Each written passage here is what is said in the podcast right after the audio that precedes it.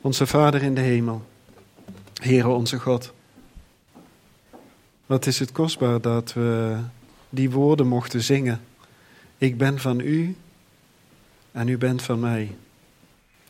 En dat u de stormen in ons leven wilt, dat u daarin bij, bij ons bent en dat u die wilt stillen ook. Vader in de hemel, als we nadenken over het zien op de onzichtbare. En dat die grote onzichtbare, dat dat uh, de leidende dienstknecht is, Heer. Dan bid ik, Heer, dat we iets mogen proeven wat het betekent dat we zelf ook zullen leven als dienstknechten. Vaak ook als leidende dienstknechten. En dat we daar niet van weg zullen vluchten, maar dat we zullen zien dat het uh, in uw voetsporen treden is. Ik bid dat u belemmeringen voor het luisteren echt weg wil nemen. En dat u onze harten opent. En dat u ons vult met uw Heilige Geest tot verheerlijking van uw naam. Amen. Zo. In juni hebben we stilgestaan, heb ik uh, uh, kort bij jullie, samen met jullie stilgestaan, bij aan wie de Hebreeënbrief geschreven is. Aan wie die brief geschreven is. En die is met name gericht aan Joden die wedergeboren waren. Joden die christen werden.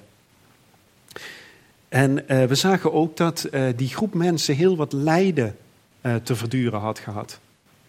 Die, die Joden die christen waren geworden, hadden heel wat lijden meegemaakt.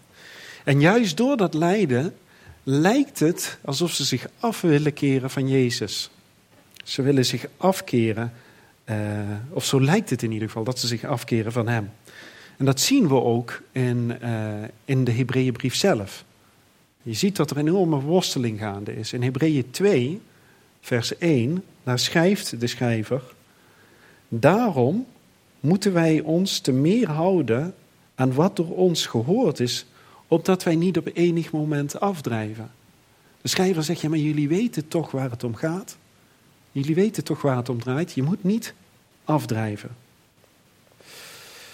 En ze lijken terug te keren naar hun oude geloof, naar hun Joodse geloof. Dat zien we een hoofdstuk verderop in Hebreeën 3, vers 3 tot en met 6. Daar schrijft de schrijver, want Christus is zoveel meer heerlijkheid waard geacht dan Mozes. Dus het lijkt alsof de schrijver hier Christus en Mozes als een stukje tegenover elkaar zet bijna. Evenals hij die het huis gebouwd heeft meer eer ontvangt dan het huis zelf. Immers elk huis wordt door iemand gebouwd, maar hij die dit alles gebouwd heeft, is God. En Mozes is wel trouw geweest in heel zijn huis, maar als dienaar, om te getuigen van wat later gesproken zou worden. Christus echter is getrouw over zijn huis als zoon. En als je, het hangt af van de Bijbelvertaling die je hebt, maar bij sommige Bijbelvertalingen staat er boven deze paragraaf ook Christus beter dan Mozes. Dus het is alsof de schrijver tegen de Hebreeën wil zeggen: Beste Hebreeën, keer niet terug naar het oude Joods geloof. Volg Jezus. Ga niet terug naar die oude gebruiken, naar die oude dingen, maar volg Jezus. Het gaat om Hem. Ze hebben natuurlijk veel te verduren gehad omdat ze besloten hadden om Jezus te volgen. Maar het is bijzonder dat de schrijver juist dan in Hebreeën 11, waar we nu ook bij stil gaan staan zometeen, Mozes noemt. Er zijn twee namen die veel voorkomen in het Oude Testament. Dat zijn Abraham en Mozes. En allebei die namen krijgen heel veel aandacht in Hebreeën 11. En het is niet zonder reden dat de schrijver juist Mozes als voorbeeld neemt voor ons. Omdat Mozes zelf ook moest lijden om Jezus' naam de smaad van Christus. Daar zullen we zo meteen naar kijken. Dus eh, de, de schrijver zegt eigenlijk tegen de Hebreeën, de mensen die die brief ontvangen, jullie rennen wel weg van Jezus en jullie willen misschien wel terug naar Mozes toe. Maar Mozes is juist degene die zei, maar ik zal lijden om Jezus' naam. Ook al leefde hij 1400 jaar voor de komst van Christus. De schrijver zegt hier, hij leed om de smaad van Christus en dat wilde hij. Mozes nam die keuze.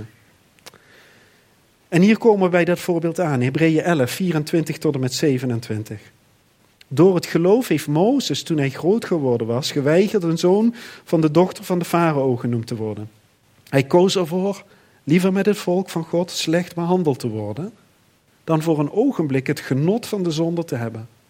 Hij beschouwde de smaad van Christus als grotere rijkdom dan de schatten in Egypte, want hij had het loon voor ogen. Door het geloof heeft hij Egypte verlaten zonder bevreesd te zijn voor de toren van de koning. Want hij bleef standvastig, als zag hij de onzichtbare. En we zien hier in deze tekst dat de Hebreeën Mozes weer willen volgen. Maar, dat, maar de schrijver zegt, Mozes is juist een voorbeeld van lijden om Jezus' naam. Mozes is juist een voorbeeld van lijden om Jezus' naam. Dus als je hem volgt, volg hem dan ook in het lijden. Hoe kon Mozes die keuzes maken die we hier lezen? En welke impact had dit? Daar wil ik kort met jullie bij stilstaan, of daar wil ik met jullie bij stilstaan. En we gaan de volgende drie stappen nemen. Geloof laat zich niet leiden door angst. Geloof laat zich niet leiden door angst. Tweede stap. Als je je dan niet laat leiden door angst, dan schept dat mogelijkheden. Geloof schept mogelijkheden. En de derde, als het mogelijkheden heeft geschapen, dan scherpt het visie. Want dan zie ik welke kant ik op moet gaan. En dan krijg ik daar visie voor. En daar ga ik achteraan. Dat pak ik. Die drie stappen gaan we nemen.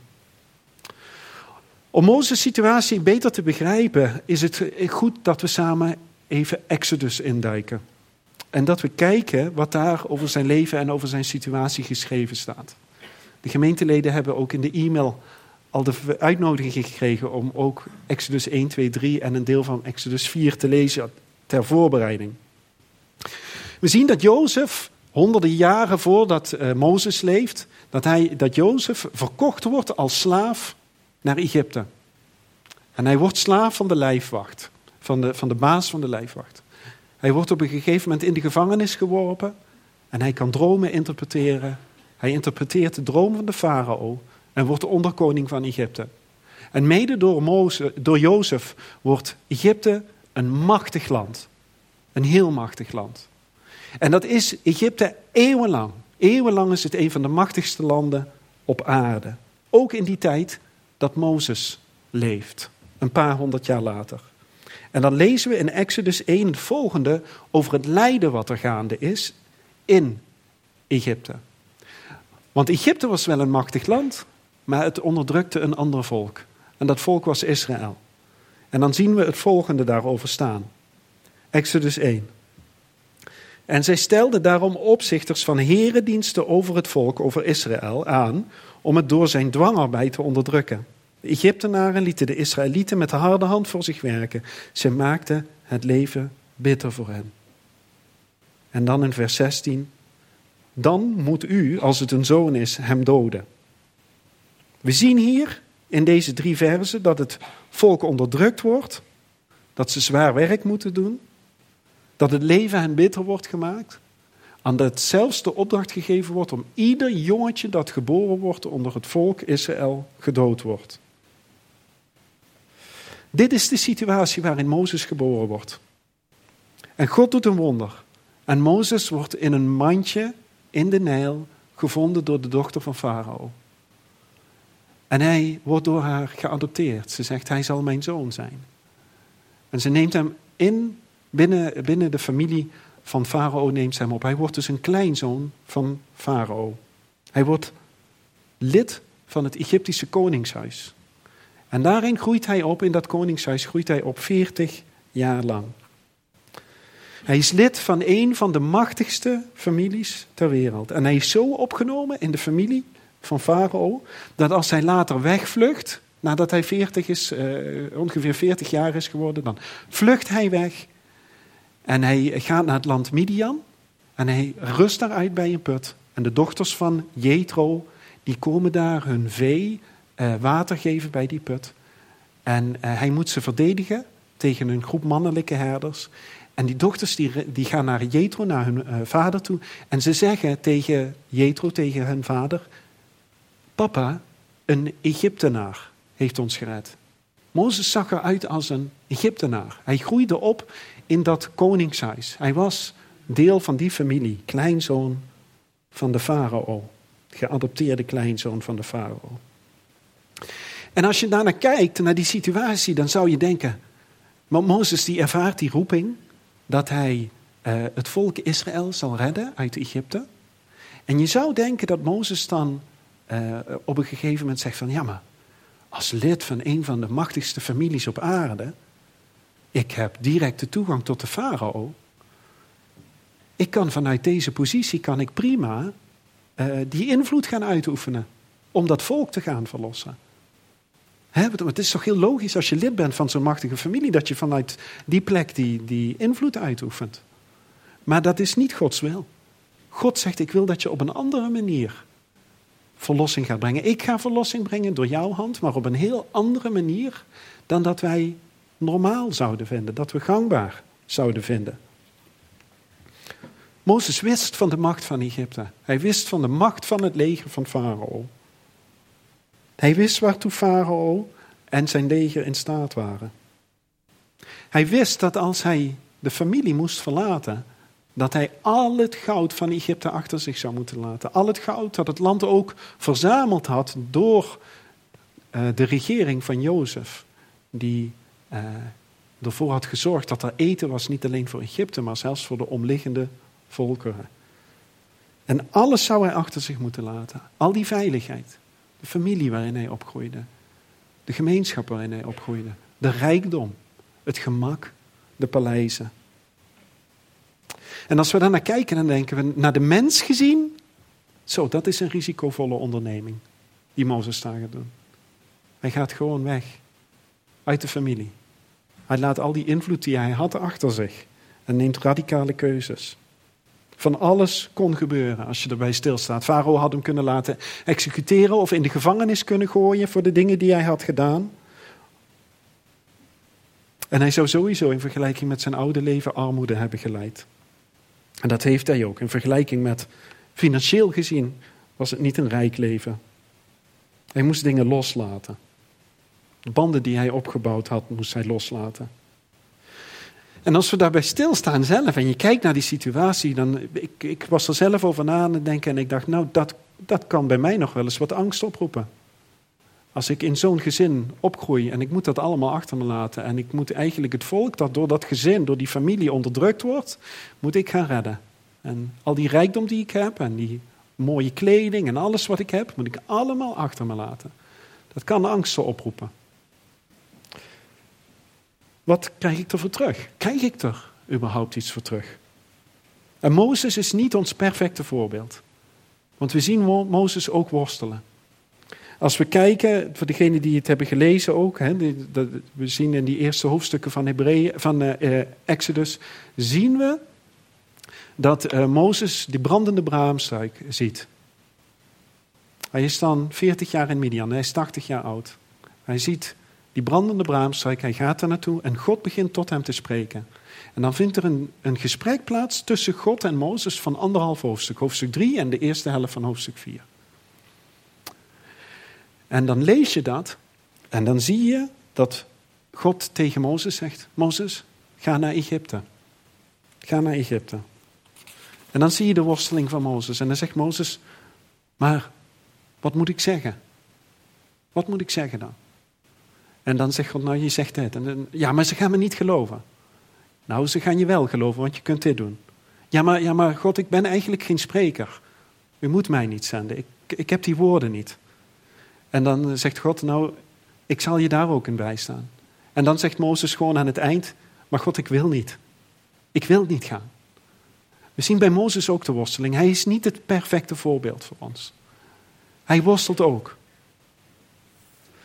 En God heeft die voorbeelden van die worstelingen ook voor ons opgetekend in de Bijbel. Dat we daarna mogen kijken en mogen zeggen: Oh Heer, ik ben niet de enige die worstelt. Ik ben niet de enige die worstelt met uh, met, uh, met geloof of met ongeloof. En God zegt over Mozes, uh, hier in Hebreeën hoofdstuk 11, dat Mozes Egypte verlaat zonder bevreesd te zijn voor de toren van de koning. Dus aan de ene kant zie je die worsteling bij Mozes. En aan de andere kant zie je dat hij toch niet vreest in Hebreeën 11. Dus er moet wat in het leven van Mozes hebben plaatsgevonden dat Mozes van ongeloof eigenlijk geloof gaat hebben. Hij kijkt eerst naar de situatie, maar ik ben geen spreker en zij zullen niet naar mij luisteren. Hij kijkt naar zichzelf en naar zijn omgeving. En er komt een kanteling in zijn leven. Dat, God zegt, ja, of dat Mozes zegt, ja, maar ik kijk niet meer naar mezelf. Ik kijk niet meer naar mijn omgeving. Maar ik kijk naar de onzichtbare. Zoals we dat zo meteen zullen zien. Mozes krijgt geloof voor de situatie waar hij in zit, waar God hem toe roept. Hij kijkt niet meer naar, naar zichzelf. En dat geloof, dat wordt in Hebreeën 11, vers 6, daar hebben we eerder dit jaar ook bij stilgestaan, als volgt omschreven. Zonder geloof is het echter onmogelijk om God te behagen. Want wie tot God komt, moet geloven dat Hij is en dat Hij beloont wie Hem zoeken. Mozes gelooft, hij ziet ineens dat God is. God is. En Hij bestaat. En Hij heerst. En Hij leidt met zachte hand. En ik zal op Hem zien. En ik zal Hem geloven. Ik zal niet naar mijn situatie kijken. En ik maak die keuze zegt Mozes. Zijn geloof is dan gericht op God, op wie God is en wat God kan doen. En daarin zien we dat Mozes lijkt op Jochebed eigenlijk, op zijn moeder. We hebben al bij het leven van Jochebed stilgestaan. Zijn biologische moeder. Jochebed die in zo'n moeilijke situatie zat. En die geloof liet zien, omdat ze Mozes haar zoon beschermde. Hij zou geëxecuteerd moeten worden. En ik weet zeker dat, ik neem het zo aan dat dat, dat het geloof van Jochebed, dat, dat Mozes moet daar iets van meegekregen hebben. Als het niet direct van zijn moeder is geweest, dan wel via Miriam en Aaron, zijn oudere broer en zus. Dat hij zei, wat een geloof had mijn moeder. En dat geloof, dat, dat stimuleert mij ook. Ik zie in het geloof van mijn moeder iets van wie God is, van wie die onzichtbare is. En zo is het ook voor ons, dat het geloof dat wij hebben ook inspirerend is voor onze kinderen. Dat onze kinderen ook iets zien in ons geloof. Dat ze zeggen, wauw, dat is misschien wel iets waar ik meer van wil weten. Dat is iets wat ik wil navolgen. Wat is dat geloof eigenlijk? Het geloof van ouders heeft impact op kinderen. Het geloof van gemeenteleven, gemeenteleden heeft impact op andere gemeenteleden. En daarin zit een enorme bemoediging voor onszelf ook. Dat we echt stappen in geloof nemen en dat we die in alle bescheidenheid ook delen als er gevraagd wordt, hoe ben je met die situatie omgegaan? Dat we iets van ons geloof mogen zien en anderen tot aansporing mogen zijn. En Mozes kijkt niet meer naar de situatie, of hij kijkt mogelijk wel nog naar de situatie, maar hij kijkt ook naar God. Hij ziet de omstandigheden, maar hij besluit om God te volgen, God te zoeken. Er zijn nog steeds situaties die tot angst kunnen leiden. De situaties zijn niet veranderd. Farao regeert nog steeds. De familie van Farao heeft nog steeds de macht. Het leger bestaat nog steeds. Hoe zal hij het volk gaan uitleiden? Maar hij laat zich niet leiden door angsten. De situaties bepalen Mozes' keuze niet meer, omdat hij gelooft in een God die is. Een machtig God die belooft, beloont wie hem zoeken. En op basis van dit geloof neemt Mozes drie stappen Drie keuzes. daar wil ik samen met jullie bij stilstaan. Hij neemt eigenlijk redelijk onwaarschijnlijke besluiten. Besluiten van steeds verregaandere toewijding aan God. Mogen we zeggen aan Christus, omdat er ook gezegd wordt dat hij de smaad van Christus als rijkdom beschouwde. En die drie besluiten zien we in de drie opeenvolgende versen in 24, 25 en 26. In vers 24 lezen we. Toen Mozes groot geworden was, weigerde hij een zoon van de dochter van Farao genoemd te worden. Mozes weigert om bij die groep gerekend te worden die niet van Gods volk was. Die niet Gods volk was. Hij maakt daar echt een keuze. Hij besloot afstand te nemen zelfs van de mensen waaronder hij opgegroeid was. Na 40 jaar in die omgeving geleefd te hebben, zag hij het als een mogelijkheid om toch die stap te nemen, die keuze te maken. Hij nam afstand van iets. Zijn keuze om Jezus te volgen betekende dat hij afstand nam van iets. In vers 25 zien we het volgende. Hij koos ervoor liever met het volk van God slecht behandeld te worden dan voor een ogenblik het genot van de zonde te hebben. Mozes neemt afstand van het een, maar we zien ook dat hij toenadering zoekt naar het ander. Hij neemt afstand van het een, maar ondanks alles zoekt hij toenadering tot een andere groep mensen. Want er staat, liever slecht behandeld te worden. Hij wist dat hij slecht behandeld zou gaan worden. En hij koos ervoor om die weg te gaan. Hij nam afstand van het ene en omarmde het andere. Hij vond dat zelfs beter, hij vond dat beter dan het genieten van de zonde. En bij het volk van God horen is beter dan te genieten van de dingen die niet goed zijn, zien we hier. Nog meer, hij besluit het volk van God te dienen, ook al betekent dit dat de volgende 40 jaar van zijn leven eigenlijk vol zitten met afwijzing, met bespotting, met vermoeidheid. Dit lijden en het dienen van Gods volk was voor Mozes beter dan de genieten van de dingen die niet goed zijn. Hij wilde daar geen moment van genieten, staat er hier. In het Engels wordt dit vers als volgt vertaald: van het vluchtige plezier van de zonde te genieten. Want de zonde is vluchtig. Het is niet alleen dat je er geen moment van wil genieten, maar de zonde is ook vluchtig. De Griekse taal is zo rijk dat je het eigenlijk op meerdere manieren kunt vertalen. En veel Engelse vertalingen vertalen het zo. Geniet niet van het vluchtige plezier in de zonde. Je begaat het, je pakt de zonde en het is alweer weg. Het verzadigt niet. Het maakt niet blij. En Mozes zegt, daar ga ik niet van genieten. En dan in vers 26 zien we de derde keuze. Hij beschouwt die smaad van Christus als grotere rijkdom dan de schatten in Egypte, want hij had het loon voor ogen. Mozes besluit om voortdurend met iets anders bezig te zijn. Hij heeft iets anders voor ogen. Hij kijkt naar iets als ziende de onzichtbare. Het loon voor ogen waar hierover geschreven staat, is het geschenk dat God geeft in het eeuwig leven. Mozes had het loon voor ogen. Ik volg hem. En er zal een moment zijn dat ik tot een eeuwigheid bij hem mag zijn. Tot een eeuwigheid zal ik van hem zijn en bij hem zijn. Mag ik delen in zijn heerlijkheid. Ik kies voor de smaad van Christus, want ik weet wat het loon is. En er staat dat het grote rijkdom was voor, voor Mozes. Hij omarmde dat als rijkdom, de smaad van Christus. Meer waard dan al het goud dat hij in Egypte had kunnen krijgen. Hij had het loon voor ogen. Hij was er voortdurend mee bezig. Hij herinnerde zichzelf eraan dat hetgeen waar hij naartoe leefde, dat was een eeuwigheid met God.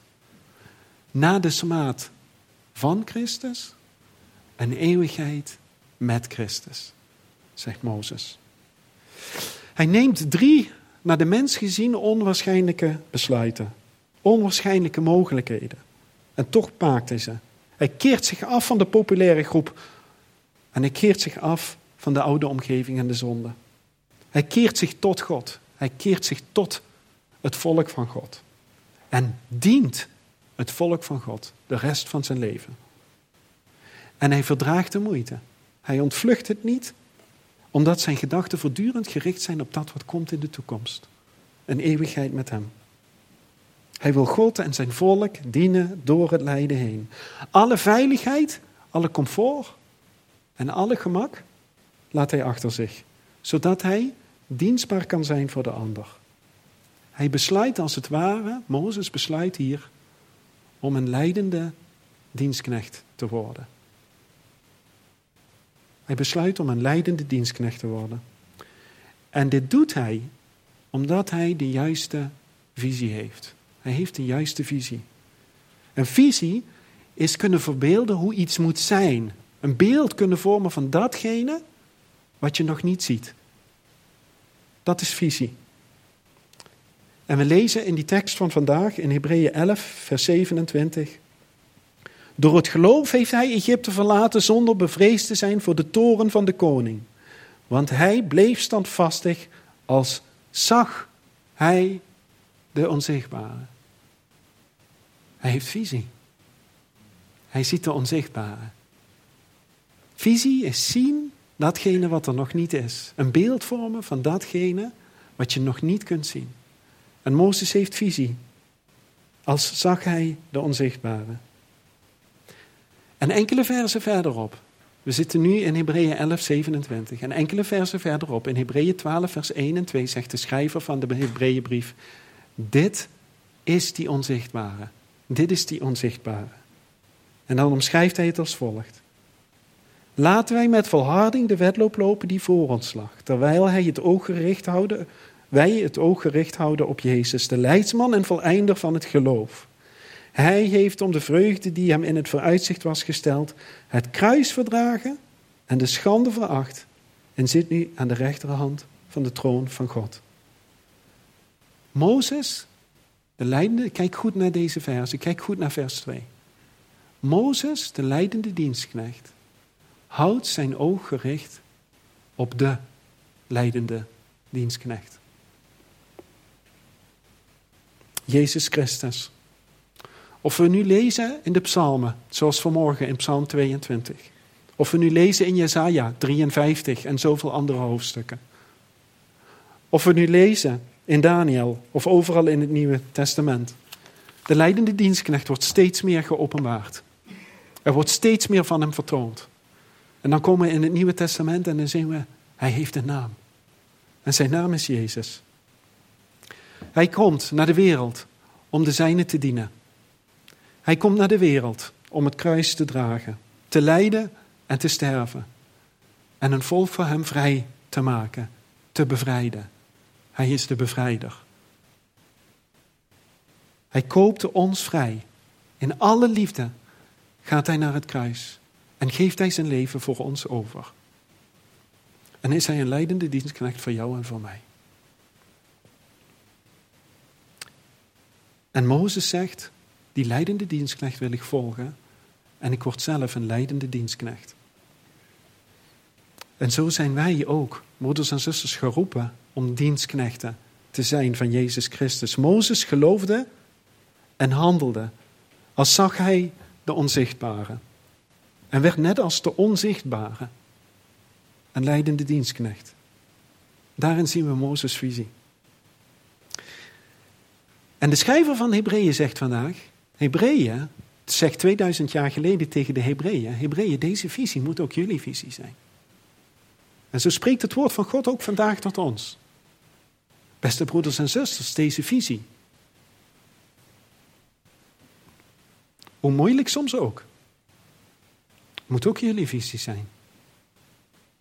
Mozes zag de onzichtbare. En hij zag nog niet alles. Maar wij hebben zoveel meer openbaring van de leidende dienstknecht mogen ontvangen. En hij zegt, volg hem. Wees ook als hem. Net zoals Mozes. Als hem wil leven en hem wil volgen. En in de Bijbel zien we van kaf tot kaf dat Jezus zo bekend, onder andere zo bekend wordt gemaakt als de leidende dienstknecht. Het zijn van een leidende dienstknecht komt voort uit het zien op de leidende dienstknecht.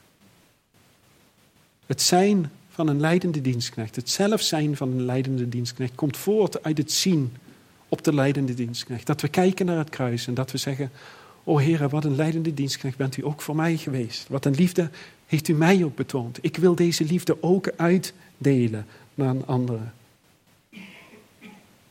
Zien we veel op hem? Dan zijn we veel als hem. Dan zijn we veel als hem. Dan willen we Jezus en zijn volk dienen.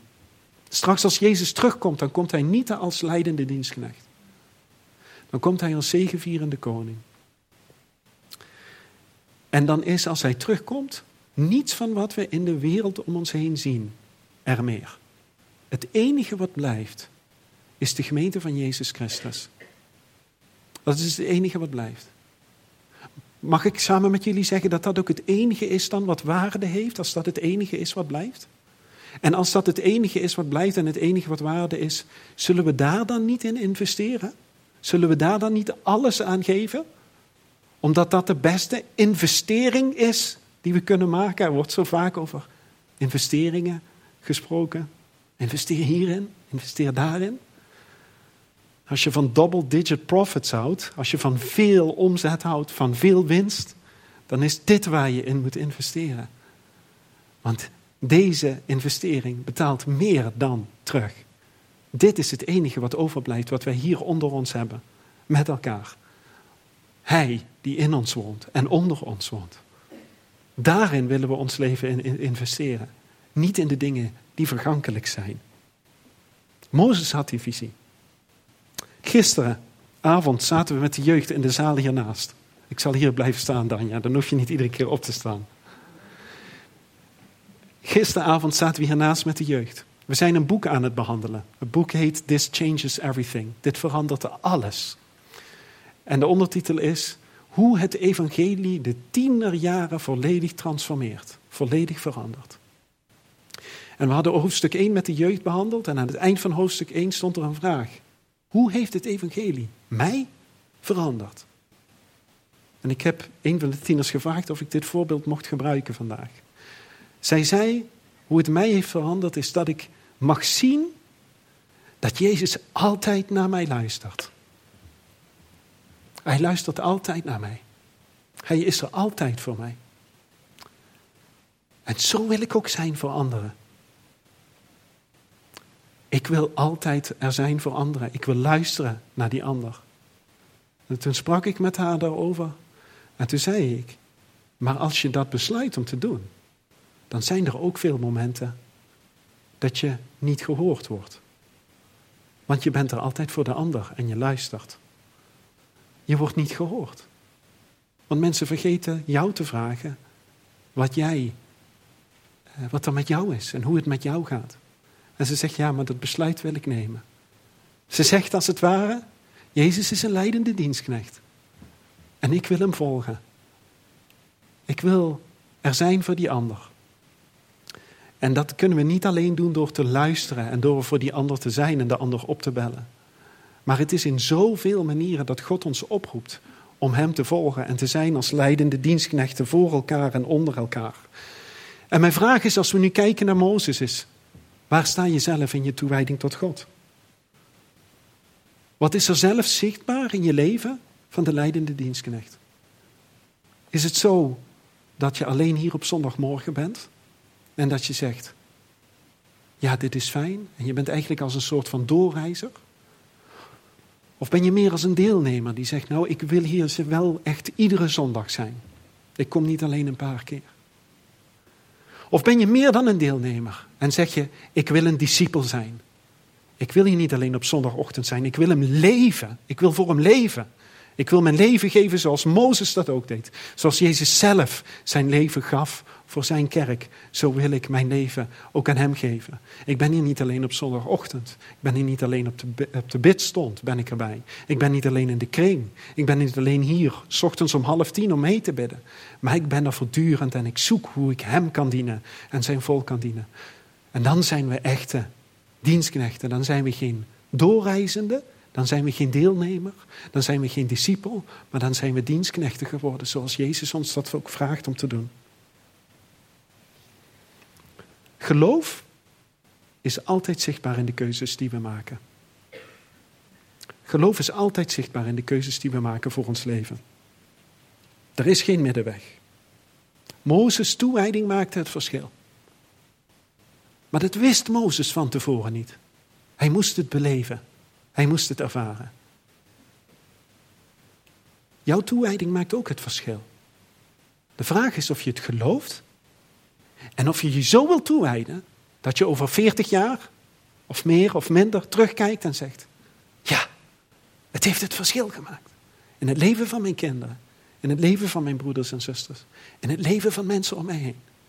Ik heb mijn leven als in liefde uitgestort voor mijn naasten, zoals de leidende dienstknecht dat ook voor mij heeft gedaan. Ik wil samen met jullie de stilte ingaan. Dat we tegen God zeggen: Heer, u heeft mij in liefde gediend aan het kruis. Welke stappen kan ik nemen om u te volgen? Om uw gemeente meer te dienen?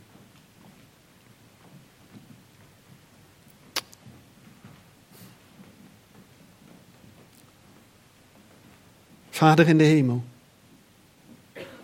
Heere onze God, we zijn u zo dankbaar voor uw goede nieuws, uw evangelie.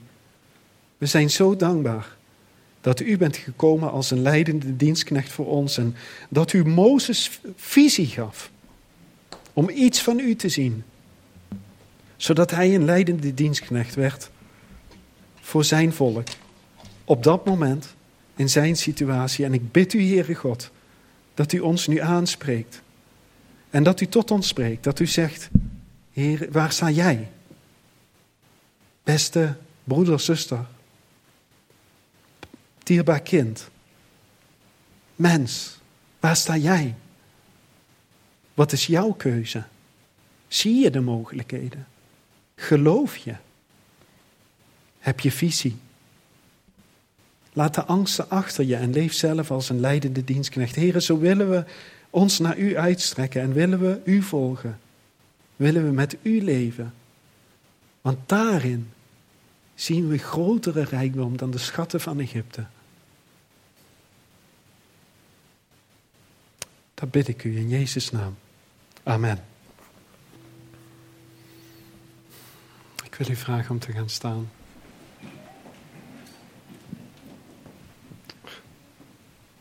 Het is zo'n rijkdom en zo'n zegen dat Hij die zichzelf volledig voor ons gegeven heeft.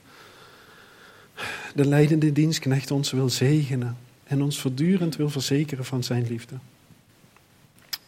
En dat ik die zegen ook mee mag geven.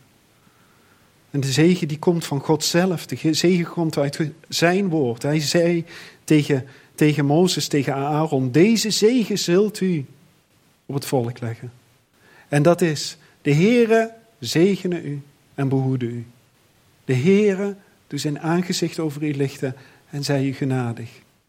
De Heere verheffen zijn aangezicht over u en geven u de vrede van hem van Jezus. Amen. Amen.